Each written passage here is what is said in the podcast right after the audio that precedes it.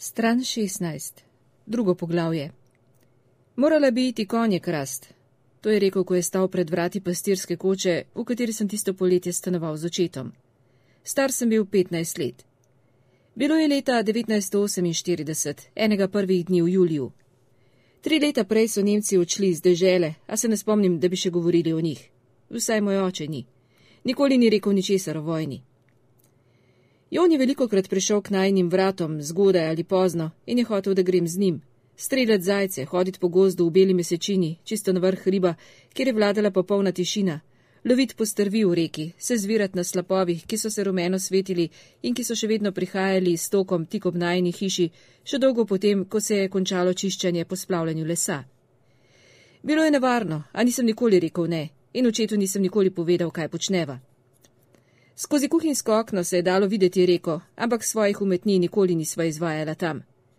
Vedno smo začela bolj spodaj, skoraj kilometr stran, in včasih je šlo tako hitro in tako daleč po splavih, da smo potem potrebovala celo uro skozi gost, ko smo končno prišla nazaj na kopno, popolnoma mokra in premražena. Jon ni hotel biti z nikomor drugim kot z mano. Imel je dva mlajša brata, dvojčka, Larsa in Oda, ampak mi da so bila istih let. Ne vem, s kom se je družil preostanek leta, ko sem bil jaz v Oslu. O tem ni nikoli rekel ničesar, jaz pa nikoli nisem govoril o tem, kaj počnem tam. Ni potrkal, samo tiho je prišel po stezi od reke, kjer je njegov čovnič stal ob bregu in je obstal pred vrati in čakal, dokler nisem dojel, da je tam. Navadno ni trajalo dolgo. Celo zgodaj zjutraj, ko sem še spal, sem lahko nenadoma globoko v sanjah začutil nemir, kot da moram na stranišče in se trudim, da bi se zbudil, preden bo prepozno, In ko sem tako odprl oči in razumel, da to ni to, sem šel naravnost k vratom in jih odprl, in on je bil tam. Široko se je nasmehnil in pomežiknil, kakor vedno. Greš zraven, je rekel, konje gremo krast. Izkazalo se je, da je mi pomenilo samo on in jaz, kot ponavadi, in če jaz ne bi šel zraven, bi ostal sam, to pa ne bi bilo zabavno. Poleg tega je konje težko krasti sam, nemogoče pravzaprav. Si že dolgo tukaj, sem rekel, zdaj sem prišel. To je vse čas govoril, samo nisem vedel, ali je bilo vedno res. Stal sem na pragu v samih spodnjih hlačah in mu gledal čez ramo. Nad reko je bila zaplata megle, bilo je že svetlo in hladno. Čez nekaj minut bo že mimo, a začutil sem, kako po stehnih in trebuhu dobivam kurjo pot. Kljub temu sem še naprej gledal reko in videl sem, kako sasijoča in mehka prihaja iz tančice in izza uvinka malo više in kako teče mimo. Na pamet sem jo znal. O njej sem sanjal vso zimo. Katere konje pa, sem rekel. Barkaldove. Prosto se sprehaja po pašniku v gozdu za kmetijo. Vem, pridi noter, da se oblečem. Bom tukaj počakal, sem rekel. Nikoli ni prišel noter, morda zaradi mojega očeta. Nikoli ni govoril z mojim očetom, niti pozdravil ga ni. Kadar sta se srečala na poti v trgovino, je gledal naravnost v tla. Takrat se je oče ustavil in se obrnil in rekel: Ni bil to Jon?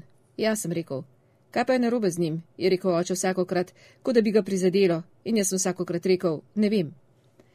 In tudi res nisem vedel in nikoli mi ni prišel na misel, da bi vprašal. Zdaj je Jon stal na pragu, ki je bil v resnici samo kamnita plošča in je strmel v reko, medtem ko sem imel obleke z naslonjala stola in si jih kar najhitreje oblačil. Ni mi bilo všeč, da mora čakati, kadar je stal zunaj, čeprav sem imel vrata odprta, da me je vse čas videl. Seveda bi moral razumeti, da je bilo tisto julijsko jutro nekaj posebnega, nekaj v megli nad reko in tančicah nad hribom morda, nekaj v beli svetlobi na nebu, nekaj v načinu, kako je Jon povedal, kar je imel povedati, ali v načinu, kako se je premikal, ali kako je stal na kamnitem pragu. Ampak imel sem samo 15 let in edino, kar sem jaz opazil, je bilo, da sabo ni imel puške, s katero je vedno hodil okoli za vsak primer, če bi se odkot pojavil zajec. Pa tudi to ni bilo tako čudno, pri lovu na konje bi bila samo v napoto. Vse konjev nismo mislili streljati. Kolikor sem lahko videl, je bil tak kot zmeraj, miren in zauzet hkrati, s svojimi mežikajočimi očmi, osredotočen na to, kar bova počela, ne da bi kazal kakšno znamenje nepotrpežljivosti. To mi je bilo všeč, se ni bila skrivnost, da sem bil v primerjavi z njim neroda pri vsem, kar sva počela. On je imel za sabo leta vaje, Samo pot po reki sem resnično dobro obvladal, imel sem prirojen občutek za ravnotežje, naravni talent, je rekel Jon, čeprav ni uporabil prav teh besed. Naučil me je požvižgati se na stvari, naučil me je, da sem se sprostil in nisem toliko premišljal, da bi začel zavirati, da sem naredil stvari, o katerih ne bi nikoli niti sanjal. Ok, pripravljen pozor zdaj, sem rekel. Skupaj sva šla po stazi k reki. Bilo je zgodaj. Sonce je drselo nad hrib spahljače svetlobe in dajalo vsemu okoli novo barvo, in kar je še ostalo megle, se je nad vodo stopilo in izginilo. Skozi polovr sem začutil nenadno toploto in zaprl sem oči in nadaljeval pot, ne da bi enkrat sankrat stopil na robe, dokler nisem vedel, da sva prišla na breg. Tam sem odprl oči in splezal po umitih okroglih kamnih in se usedel zadaj v čovnič. Jon je odrinil in skočil za mano, prijel je vesla in zaveslal s kratkimi, trdimi zamahi čez deročo vodo, pustil je čovn, da ga je nekaj časa nosilo, potem pa je spet veslal, dokler nisva dosegla nasprotnega brega, približno 50 metrov niže. Natanko tako daleč, da se čovn iz hiše ni videl. Potem sva splezala po nizkem bregu, najprej Jon in jaz za njim, in se odpravila v bodeči žici ob travniku, kjer je bila pod kot list tanko preprogo meglice trava visoka in jo bodo kmalo pokosili in obesili, da se bo na soncu posušila v seno. Bilo je, kot da bi bil doboko v vodi, samo brez odpora, kot v sanjah. Pogosto sem sanjal v vodi, z vodo sva bila prijatelja. To je bil Barkaldov travnik in po tej poti sva šla že veliko krat, gor med polji k cesti v trgovino, da bi kupila časopise ali karamele ali kaj drugega, za kar sva imela denar, kovance za en, dva, včasih tudi za pet evrov, ki so nama žvenketali v žepu pri vsakem koraku, ali pa smo šli v nasprotni smeri k Jonu domov, kjer naj jo je njegova mama vedno navdušeno pozdravila, ko smo prišla skozi vrata, kot da sem prestolo naslednik ali kaj takega. Njegov oče pa se je zatopil v lokalni časopis ali izginil ven na senik po opravku, ki nenadoma ni mogel več čakati. Presen skupaj je bilo nekaj, česar nisem razumel, ampak me to ni motilo. Zaradi meni bi lahko mirno ostal na seniku, ni me brigalo. Ko je bilo poletje konec, sem tako ali tako odpotoval domov. Barkaldova kmetija je ležala na drugi strani ceste, za poli, kjer je izmenično sejal oves in ječmen, čisto gori ob gozdu s senikom na vogalu. V gozdu pa je imel štiri konje, ki so se pasli po velikem območju, ki ga je zagradil z bodečo žico v dveh višinah, od drevesa do drevesa. On je bil tudi lasnik gozda in bilo ga je veliko. Bil je največji posestnik v okolici. Nobeden od naju ga ni prenesel, čeprav nisva dobro vedela zakaj. Nikoli nama ni nič naredil, niti nama ni rekel neprijazne besede, vsaj ne da bi jaz vedel. Ampak imel je veliko kmetijo, Jon pa je bil sin malega kmeta. Skoraj vsi v tem predelu ob reki in samo nekaj kilometrov od meje Švedsko so bili mali kmetje in večina je še vedno živela od tistega, kar so pridelali na kmetijah in od mleka, ki so ga oddali mlekarni in kot gozdari, ki so sekali les, kadar je bila sezona za to med drugim tudi v Barkaldovem gozdu in v gozdu, ki ga je imel lasti neki bogat hudič iz osla, tisoče in tisoče hektarov proti severu in zahodu. Denarja ni bilo veliko, saj jaz ga nisem opazil. Mogoče ga je Barkald imel kaj, ampak Jonov oče ga ni imel nič in moj oče ga prav gotovo ni imel, saj jaz nisem vedel zan. Zato mi še zdaj ni jasno, kako je nabral skupaj dovolj, da je kupil planšarijo, na kateri sva živela tisto poletje. Če sem iskren, mi ni bilo vedno jasno, kaj počne moj oče, da zasluži za preživetje, za svoje in moje med drugim, kajti vse čas se je spreminjalo, ampak vedno je bilo zraven veliko različnega urodja, majhnih strojev in včasih veliko načrtovanja in razmišljanja s finčnikom v roki in potovanje na vse mogoče konce države, kjer sam nisem bil nikoli in si nisem mogel predstavljati, kakšni so, ampak nikoli ni bil na nobenem plačilnem seznamu. Pogosto je bilo veliko dela, včasih manj, ampak kljub temu je prišel do denarja, tako da ga je bilo dovolj. In ko sva prvič prišla sem leto dni prej, se je sprehajal v krog, se premeteno nasmihal, božal drevesa in sedel na veliko skalo na rečnem bregu s sekiro v roki in potem je gledal reko, kot da so vsi skupaj stari znanci. Ampak to seveda ni bilo mogoče. Z Jonom sva stopila steze čez travnik in šla po poti, in čeprav sva tukaj hodila že veliko krat prej, je bilo tokrat drugače. Šla sva konje krast in vedela sva, da se to vidi. Bila sva zločinca. To človeka spremeni, nekaj se spremeni v njegovem pogledu in hoditi začne na samosvoj način, s katerim si ni mogoče pomagati. In krasti konje je bilo najhujše od vsega. Poznala sva zakon zahodno od Pekosa, se sva vendar prebrala kavbojske stripe in čeprav bi morda lahko rekli, da sva bila vzhodno od Pekosa, sva bila tako daleč na vzhodu, da bi prav tako lahko trdili nasprotno, saj vendar odvisno od tega, v kateri smeri vidiš svet, in s tem zakonom ni bilo šale. Če se te dobili, si šel naravnost na drevo, zanko okoli vratu. Groba vrv na mehki koži, nekdo je konje udaril po hrbtu in potem je izginil izpod tvojih nog, ti pa si tekal za življenje v zraku, medtem ko se ti je prav to življenje odvrtelo pred očmi z vse šipkejšimi podobami, dokler na slikah ni bilo več tebe in vsega, kar si videl, pač pa so bile polne megle in na koncu črnine. Samo petnajst let si pomislil na zadnje, to ni veliko, in to za konja, in potem je bilo torej prepozno. Barkaldova hiša je stala težka in siva na robu gozda, bila je videti bolj grozeča kot kadarkoli prej. Tako zgodaj zjutraj so bile okna temna, a morda je stal tam notri in pogledoval po poti in videl, kako hodiva, in je vedel. Drugo poglavje nadaljujem na strani 21. A zdaj se nisva več mogla obrniti. Po makadamski poti sva šla nekaj sto metrov z zelo iztegnjenimi nogami, dokler se ni hiša skrila za ovinkom, potem pa po stezi še čez en travnik, ki je bil tudi Barkeldov, in v gost. Najprej je bilo med smrekovimi vejami temno in zadušno, nobenega podrastja ni bilo, samo temno zelen mah, kot velika preproga, po kateri je bilo mehko hoditi, kajti svetloba sem ni nikoli zares prišla. In hodila sva drug za drugim po stezi in čutila sva, kako se zaziba vsakokrat, ko sva položila nogo na tla. Najprej Jon, za njim pa jaz v čisto zlizanih pohodnih čevljih, potem pa sva zavila, tako da je nastajal krok, vedno na desno, in počasi je prišla svetloba in odprtina nad nama, dokler se ni nenadoma zasvetila dvojna bodeča žica in sva prispela. Videla sva poseko, kjer je bilo počiščeno vse razen smrek in brez, ki so stale nenavadno visoke in osamljene z nezaščitenim hrbtom, in nekatere od njih se niso zmogle upreti vetru severa in so ležale prevrnjene s koreninami v zraku. Med štori pa je rasla gosta in sočna trava in za nekaj grmovja svo v ozadju videla konje, ki so stali, tako da so se videli samo njihovi riti in repi, ki so odganjali muhe in klope.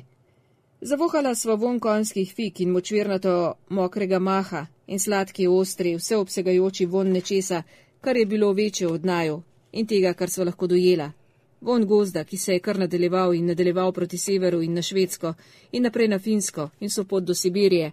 In v tem gozdu si se lahko izgubil in sto ljudi bi te lahko iskalo cele tedne, pa ne bi imeli nobene možnosti. Pa to niti ne bi bilo tako slabo, sem pomislil, izgubiti se v tem gozdu. Ampak nisem vedel, kako resna je ta misel. Jon se je sklonil in se je izvil med obema bodečima žicama, tako da je z roko pritiskal na spodnjo, jaz pa sem legal na tla in se zakotalil spodaj, in oba sva prišla na drugo stran, ne da bi si strgala hlače ali pulover. Previdno sva se dvignila in odšla po travi proti konjem. Tista breza tam, je rekel Jon in pokazal, spleza na njo. Nedaleč od konjev je stala samotna visoka breza z močnimi vejami in najnižja med njimi je bila komaj kakšne tri metre od tal. Šel sem počasi, a brez oklevanja proti brezi. Konji so dvignili glave in se ozrli proti meni, a so še naprej žvečili in niso dvignili niti enega kopita. Jon je šel v krogu okoli njih po drugi strani. Čevlje sem zbrcal z nog, obe roki sem položil na brezo, jo zasadil v razpokano deblo in se pognal najprej z eno nogo, potem pa sem dvignil še drugo in jo pritisnil ob deblo in tako sem po opiče počasi plizal gor, dokler nisem z eno roko dosegal veje. Nagnil sem se in se uklenil z desno roko. Pustil sem, da so mi noge zdrsnile z grobega debla, potem pa sem se obesil za roke, trenutek preden sem se dvignil in sedel sem tam in noge so mi bingljale. To sem takrat znal. Ok, sem tiho zaklical, pripravljen. Jon je čepel skoraj točno pred konji in se z njimi tiho pogovarjal, in stali so čisto mirno, z glavami obrnjenim proti njemu in z ušesi postavljenimi po konci, in poslušali so nekaj, kar je bil skoraj še pet. Vsaj jaz nisem slišal, kaj je govoril, ko sem sedel na veji, ampak ko sem zaklical svoj ok, je naenkrat skočil in zaupil. Hoj! In razširil je roke, in konji so odskočili in stekli. Ne preveč hitro, pa tudi počasi ne, Dva sta oddrvela na desno, dva pa sta prišla naravnost k moji brezi. Pazi, je zaklical Jon in stegnil tri prste v zrak v skautski pozdrav. Pripravljen sem zaupil nazaj, se obrnil s trebuhom proti veji, obdržal ravnotežje z rokami in rezal z nogami po zraku, kakor škarjami. Začutil sem šipko drhtenja v prsih zaradi kopit na tleh in po drevesu in trepeti iz nekega posem drugega kraja v sebi in začel se v trebuhu in se zbral v bokih. A nisem mogel nič narediti, zato nisem več mislil na to bil sem pripravljen. In potem so prišli konji. Slišal sem njihovo sopenje in drhtenje drevesa se je ukrepilo in zvok kopit mi je napolnil glavo. In komaj sem lahko videl na zdrvi prvega pod sabo, sem se spustil in pristal na konjskem hrbtu, nekoliko previsoko pri tilniku, in njegove lopatice so zadele moje mednožje in poslale žarek slabosti skozi moje grlo. Ko je to počel Zoro v filmu, je bilo videti lahko, zdaj pa so mi tekle solze in moral sem bruhati, istočasno pa sem moral z obema rokama trdno držati grivo in trdno sem zaprl usta in se nagnil naprej. Konj je divje mahal z glavo in hrbet je udaril moje mednože. Začel je galopirati, potem je še drugi konj naredil isto in skupaj smo odgrmeli med štori. Slišal sem, kako Jon upije. Iha, za mano. In tudi sam sem hotel upiti, ampak nisem mogel, ker sem imel grlo tako polno bruhanja, da nisem mogel niti dihati. In potem sem odprl usta in pustil, da je steklo potilniku pod mano. Zdaj je malo smrdelo po bruhanju in močno po konju, in Jonovega glasu nisem več slišal. Šumelo je, to pot kopit se je oddaljil in konjski hrbet je tolkal po telesu kot bitje mojega srca, potem pa me je nenadoma obdala tišina, ki se je raztezala vse povsod in skozi to tišino sem slišal ptiče petje. Razločno sem slišal kosa z vrha smreke in čisto jasno sem slišal škarjanca nekje visoko zgoraj in še več drugih ptic, katerih imen nisem poznal. In bilo je tako čudno. Bilo je kot film brez zvoka, z naloženim drugim zvokom. Bil sem na dveh mestih hkrati in nič ni bolelo. Iha, sem zaupil in svoj glas sem dobro slišal. E bilo je, kot da bi prihajal od nekod drugot, iz velikega prostora, kjer so peli ptiči, ptiči kriki iz tišine, in za trenutek sem bil popolnoma srečen. Moje prsi so se širile kot meh pri harmoniki in vsakokrat, ko sem vdihnil, so prišli toni. In potem se je zasvetilo pred mano med drevesi, bila je bodeča žica, galopirali smo naravnost čez travnik in z veliko hitrostjo smo se približevali ograji na drugi strani, in konjski hrbet je spet trdo udarjal ob moje mednožje, in jaz sem se ga trdno uklepal in razmišljal, zdaj bomo skočili. Ampak nismo skočili. Tik pred ograjo sta oba konja ostro zavila in fizikalni zakoni so me strgali z hrbta in me vrgli, da sem se odvrtel naprej v ravni črti po zraku in daleč čez ograjo. Čutil sem, kako mi bodeča žica trga rokav na polovarju in pekočo bolečino, potem pa sem ležal v resju in z enim sunkom je z telesa izginil v zrak. Mislim, da sem bil nekaj trenutkov brez zavesti, ker se spomnim, da sem odprl oči, kot da bi začenjal na novo. Nič, kar sem videl, mi ni bilo znano. Možgani so bili prazni, brez misli. Vse je bilo čisto in nebo prozorno modro in nisem vedel, kako mi je ime in niti svojega telesa nisem čutil. Brez imena sem letel naokrog in prvikrat opazoval svet in zdel se mi je nenavadno osvetljen in stekleno lep. In potem sem zaslišal razget in topotanje kopit in takrat se je vse vrnilo kot vrteči se bumerang in zadelo me je v čelo in pomislil sem, drek, zdaj sem pa hrom. Videl sem svoje bose noge, kako so štrlele iz resja, pa med njimi in mano ni bilo nobene vrvice. Še vedno sem čisto mirno ležal, ko sem videl, kako Jon prihaja proti ograji na konjskem hrbtu z vrvjo okoli konjevega gobca, tako da je žival lahko usmerjal. Ustavil se na drugi strani s potegom vrvi in konj se je postavil skoraj usporedno z bodečo žico. Pogledal me je. A, tam ležiš, je rekel. Hrom sem, sem rekel. Ne verjamem, je rekel. Pa nič sem rekel. Spet sem se ozrl na noge. Pa sem vstal. Bolelo je, hrbet in po eni strani navzdol, ampak znotraj ni bilo nič uničeno. Krvavil sem iz rane na podlahti in teklo je skozi luknjo v polovarju, ki je bila prav tam. A to je bilo vse. Otrgal sem preostanek rokava in ga zavezal okoli roke, medtem ko sem se upiral na stegno. Predvsej me je skelelo. Jon je mirno sedel na konju. Videl sem, da v eni roki drži moje čevlje. Greš spet gor, je rekel. Dvomim, sem rekel. Rit me boli, čeprav me ni bolelo čisto tam, in zdelo se mi je, da se je Jon takrat malo nasmehnil, čeprav nisem bil prepričan, ker mi je sonce sijalo v obraz. Zdrsnil je s konja in zrhljal vrv okoli gobca in z eno kretnjo je odslovil konja. Konj je komaj čakal. Lahko hodiš? vprašal. Se mi zdi, sem rekel. Noge sem utaknil v čevlje in jih nisem zavezal, da se mi ni bilo treba skloniti, pa sva šla naprej v gost. Najprej Jon, za njim pa jaz, s trdim hrbtom, malo sem šepal na eno nogo in eno roko sem imel dobro privezano k telesu, vse globlje med drevesa, in razmišljal sem, da mogoče ne bom mogel iti vso pot nazaj, ko bo čas. In mislil sem na očeta, ki me je teden dni predtem prosil, ne pokusim travo za hišo. Trava je bila čisto previsoka in bi se polegla in otrdela, tako da se ne bi moglo nič več prerasti skozi njo. Lahko uporabiš krajšo koso, je rekel, ki bolje leži v dlani amaterja. V lopi sem poiskal koso in se lotil dela s svojimi močmi in oponašajoč očeta, kadar je počel isto. In dobro in pridno sem kosil, dokler nisem bil čisto prepoten. In kar dobro mi je šlo, čeprav je bila kosa urodje, ki ga nisem bil vajen. Ampak ob steni hiše so na velikem delu zemlje rasle goste in visoke koprive in izognil sem se jim velikem loku. Potem pa je prišel okoli hiše oče, ustavil se je in me opazoval. Glavo je držal po strani, z roko se je drnil po bradi, jaz pa sem zravnal hrbet in čakal, kaj bo rekel. Zakaj pa kopriv nisi pokosil, je rekel. Pogledal sem kratki ročaj kose in visoke koprive. Boli sem rekel. Na pol smehljaj mi pogledal in zmajal z glavo. Sam odločaš, kdaj boli, je rekel, se nenadoma zresnil in se odpravil k steni in prijel za pekoče rastline in jih začel čisto mirno puliti, drugo za drugo, in metal jih je na kup in ni odnehal, dokler ni izpulil vseh. Nič na njegovem obrazu ni sporočalo, da ga boli, in malo me je bilo sram, ko sem stopal po stazi z Jonom, in zravnal sem se in spremenil korak in hodil, kot sem hodil navadno, in že po nekaj korakih nisem več razumel, zakaj nisem tako hodil že od vsega začetka. Kam pa greva, sem rekel. Nekaj ti bom pokazal, je rekel, ni daleč. Drugo poglavje nadaljujem na strani 26.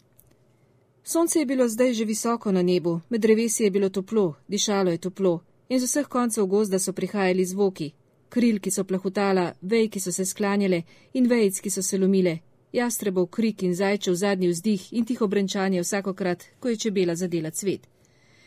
Slišal sem, kako so mravlje tekale po resju in kako se je steza, po kateri smo hodila, dvigala s hribom.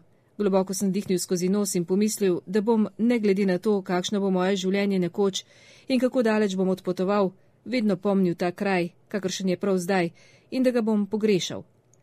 Ko sem se obrnil, sem videl časo dolino skozi rešetke borovcev in smrek. Videl sem, kako se reka zvija in sveti tam spodaj. Videl sem opečno tordečo streho Barkaldove žage malo bolj južno na rečnem bregu in več malih kmetij na zelenih madežih ob tanki črti vode. Poznal sem družine, ki so živele tam in vedel sem, koliko jih je v vsaki hiši, in če tudi nisem videl najne koče na nasprotni strani, sem lahko pokazal, za natančno katerim drevesom stoji. In razmišljal sem, ali oče še spi, ali pa je šel naokrog in premišljuje, kam sem šel, čeprav ga ni strah, ali bom kmalo prišel domov, in ali naj začne pripravljati zajtrk, in nenadoma sem začutil, kako lačen sem.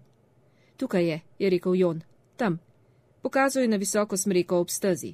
Tiho sva obstala. Velika je, sem rekel. Ni to, je rekel Jon. Pridi. Šel je k smreki in začel plezati. Ni bilo težko. Najnižje veje so bile močne in dolge, težko so visele in lahko jih je bilo doseči. En, dva, tri je bil več metrov visoko in jaz sem mu sledil. Hitro je plezal, po približno desetih metrih pa se je ustavil in obsedel in počakal, da smo bila na isti višini. In bilo je dovolj prostora. Mirno sva lahko sedela drug poleg drugega, vsak na svoji debeli veji. Pokazal je na nekaj malo naprej na veji, na kateri je sedel, tam, kjer se je razdelila na dvoje. Na razporku je viselo ptiče gnezdo, kot globoka skodelica ali skoraj papirnat tulec. Veliko gnezd sem že videl, a še nikoli tako majhnega, tako lahkega, tako popolne oblike mahu in perja. In ni viselo, lebdelo je. Kraliček je, je tiho rekel Jon, drugi rod. Sklonil se je naprej in stegnil roko proti gnezdu in utaknil tri prste v odprtino, pokrito s perjem, in potegnil ven jajce, ki je bilo tako majhno, da sem samo strmel. Obdržal je jajce med konicami prstov in ga podržal proti meni, da sem ga lahko preučil, in zavrtelo se mi je v glavi, ko sem ga gledal in razmišljal, da bo čez samo nekaj tednov ta majcena ovalna krogla postala živ ptič s krili, ki bodo lahko zapustila vejo visoko zgoraj in strmoglavila navzdol, pa vseeno ne zadela tal, ampak se bodo z nagonom in voljo pognala navzgor in ukinila težnost. Na glas sem rekel: Ti Boga, sem rekel. Je pa čudno, da bo nekaj tako majhnega uživelo in kar odletelo, in mogoče to ni bilo preveč dobro povedano, in je bilo veliko manj od žvigajočega zračnega občutka, ki sem ga začutil v sebi. A v tistem trenutku se je zgodilo nekaj, česar nisem mogel razumeti, kajti ko sem pogledal gor, je bil Jonov obraz napet in čisto bel. Ali je bilo mojih nekaj besed ali jajce, ki ga je držal, ne bom nikoli izvedel, ampak nekaj je povzročilo, da se je popolnoma spremenil v trenutku in pogledal me naravnost v oči, kot da me ne bi še nikoli prej videl, in enkrat za spremembo ni me žikal, in njegove zenice so bile velike in črne. In potem je odprl dlan in izpustil jajce. Zletelo je ob deblo in sledil sem z očmi in videl, da je zadelo eno od spodnjih vej in počilo in se razlezlo v svetle koščke, ki so se odvrteli vse smeri in padali so kot snežinke, skoraj brez teže in so komaj počasi izginili. Ali pa se tako samo spominjam in ne morem se spomniti ničesar, kar bi me kadarkoli spravilo v takšen obup. Spet sem pogledal Jona in takrat se je že nagnil naprej in z eno roko je odtrgal gnezdo in izrežal vej. Podržal ga je pred sabo v iztegnjeni roki in ga s prsti zdrobil v prah zgolj nekaj centimetrov pred mojimi očmi. Hotel sem kaj reči, pa nisem spravil iz sebe nobene besede. Jonov obraz je bil maska, bela kot kreda, in z odprtimi usti, in iz teh ust so prihajali glasovi, zaradi katerih sem čutil, kako mi ledeni hrbet. Še nikoli nisem slišal česa podobnega. Glasovi so prihajali iz grla, kako od živali, ki je še nikoli nisem videl in ki je tudi nisem nikoli želel srečati. Znova je odprl dlan in jo treščil ob deblo in pognetal obljubje in drselo je v majhnih kosmičih in na koncu je ostalo samo nekaj nesnage, ki je nisem mogel gledati. Zaprl sem oči in ostal tako, in ko sem jih spet odprl, je bil Jon že globoko spodaj. Z veje na vejo je skoraj drsel, gledal sem naravnost v njegove štrleče rjave lase in on je niti enkrat pogledal gor. Zadnjih nekaj metrov se je preprosto spustil in na tleh je pristal z udarcem, ki sem ga slišal vse do tja, kjer sem sedel, potem pa je padel na koleno in s čelom udaril tla in potem je tako obsedel, sključen. Zdelo se je, da celo večnost tako sedi in jaz sem celo večno zadrževal dih, ne da bi se ganil. Nisem razumel, kaj se je zgodilo, a čutil sem, da sem bil jaz kriv, samo nisem vedel zakaj. Končno se je togo dvignil in se odpravil po stezi. Izpustil sem zrak ven in ga spet počasi vdihnil, zvenelo je kot astma. Poznal sem človeka, ki je imel astmo, stanoval je malo naprej od nas v Oslu. Tako je zvenelo, kadar je dihal. Astmo sem dobil, sem pomislil, je ben ti Boga, tako dobiš astmo. Ko se ti nekaj zgodi. In potem sem začel plezati dol, ne tako hitro kot Jon, bolj kot da je vsaka veja mejnik, ki se ga moram držati čim dlje, da ne bi izpustil česa pomembnega, in sem vse čas mislil na dihanje. Se je takrat spremenilo vreme? Mislim, da ja. Stal sem na stezi, Jona nisem videl nikjer, izginil je po poti, po kateri sva prišla, in naenkrat sem slišal šumenje v drevesih nad sabo. Pogledal sem in videl, da se visoki borovci sklanjajo v vetru, in pod nogami sem čutil, kako gozdno dno valovi. Bilo je, kot da bi stal na vodi in začelo se mi vrteti v glavi. Uzrl sem se, da bi se česa oprijel, a se je vse premikalo. Nebo, ki je bilo še pravkar tako prozorno modro, je bilo jekleno sivo z bolehno rumeno svetlobo nad hribom na drugi strani doline. In potem se je nad hribom močno zabliskalo. Tako je zatem je treščilo, tako da sem občutil po celem telesu. Čutil sem, kako je temperatura nenadoma padla in začutil sem, da me roka boli tam, kjer me je razrezala bodeča žica. Začel sem hoditi tako hitro, kot se je dalo. Skoraj tekel sem, dol po stezi, po kateri smo prišla, proti travniku s konji. Ko sem prišel tja, sem pogledal čez bodečo žico med drevesi, a videti ni bilo nobenih kon. Za trenutek sem pomislil, da bi šel po bližnici čez, potem pa sem šel na mesto tega v sopot ob zunani strani ograje, cel krok, dokler nisem spet našel steze proti cesti. Tam sem se obrnil levo in stekel dol in ni več pihalo, ampak je bilo v gozdu drhteče tiho in novo odkrita astma me je stiskala prsi. Stal sem na cesti, na čelo so mi padle prve kaplje. Malo naprej sem videl Jona v hrbet. Ni tekel, zato je bil preblizu in ni hodil hitro, pa tudi počasi ni hodil. Samo hodil je.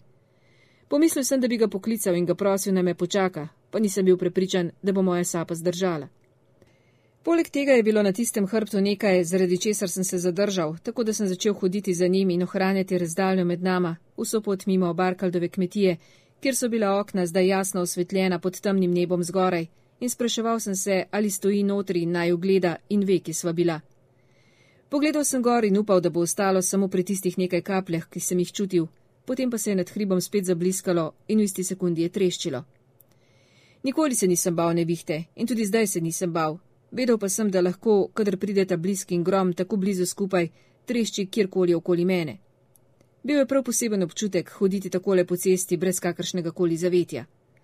In potem je prišel dež proti meni kot zid in nenadoma sem bil za tem zidom in v nekaj sekundah sem bil popolnoma premočen in lahko bi bil nak, pa ne bi bilo nobene razlike. V svet je posivel od vode in Jona, ki je hodil sto metrov pred mano, sem komaj da razločil. A nisem potreboval njega, da bi mi pokazal pot, vedel sem, kam moram iti. Zavil sem na stezo po Barkaldovem travniku in če ne bi bil mokr že odprej, bi zaradi visoke trave moje hlače postale lepljive in težke. Ampak zdaj je bilo vseeno. Pomislil sem, zdaj bo moral pa Barkald skošnjo čakati več dni, da se trava posuši. Ne da se kositi mokre trave. In spraševal sem se, ali bo prosil mojega očeta in mene za pomoč pri košnji, tako kot leto prej. In spraševal sem se, ali je Jon vzel čovn in sam odveslal čez reko, ali pa me čaka na bregu. Lahko bi šel nazaj na cesto v trgovino in čez most in spet dol skozi gost na drugi strani, ampak to je bilo daleč in zoprno.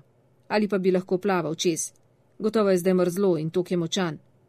Čutil sem, da mojih oblačilih zmrzujem, da bi bilo boljše brez njih. Ustavil sem se na stezi in začel sem sebe vleči polover in srajco. Ni bilo lahko, lepila sta se mi na telo, ampak na koncu mi je uspelo in skupaj sem jo zvil pod pazduho. Zdaj je bilo vse tako mokro, da je bilo skoraj smešno in dež je bičal moj goli trup in me čudno ogreval. Z roko sem se pogladil po koži, ampak nisem čutil skoraj ničesar. Koža in prsti so bili otopeli. Čutil sem, da sem utrujen in zaspan, da bi bilo fino, če bi lahko legal vsaj za trenutek in zaprl oči. Šel sem naprej. Z rokami sem si obrisal vodo z obraza. Malo se mi je vrtelo. In potem sem stal čisto v breki in je nisem slišal. Pred mano je v čovnu sedel Jon. Njegovi lasje, ki so navadno štrleli v šopih, so premočeni in ravni ležali na lobani. Skozi dež me je pogledal, medtem ko je zadrževal vesla in usmerjal zadnji del čovna proti bregu, rekel pa ni nič. Živijo, sem rekel in narodno prehodil še zadnje metre po gladkih okroglih kamnih. Enkrat sem se spotaknil, a nisem padel in zlezel sem v čovn in sedel na zadnjo klop.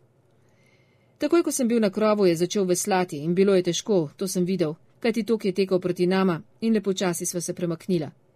Hotel me je odpeljati prav do doma, čeprav je bil gotovo utrujen. Sam je stanoval v drugi smeri, s tokom, in hotel sem mu reči, da ni potrebno, da ne me samo zapelje čez, zadnji del poti pa lahko grem peš.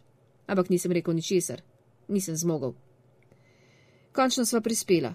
Z močnim zamahom je Jon obrnil čovn in potem zadrževal čovn, da sem lahko izstopil na kopno. In to sem tudi storil, izkrcal sem se in obstal na bregu in ga gledal. Adijo, sem rekel, se vidiva jutri, ampak ni odgovoril. Samo dvignil je vesla iz vode in pustil, da je čovn odneslo, sam pa je gledal nazaj s priprtim pogledom, za katerega sem že takrat vedel, da ga ne bom nikoli pozabil.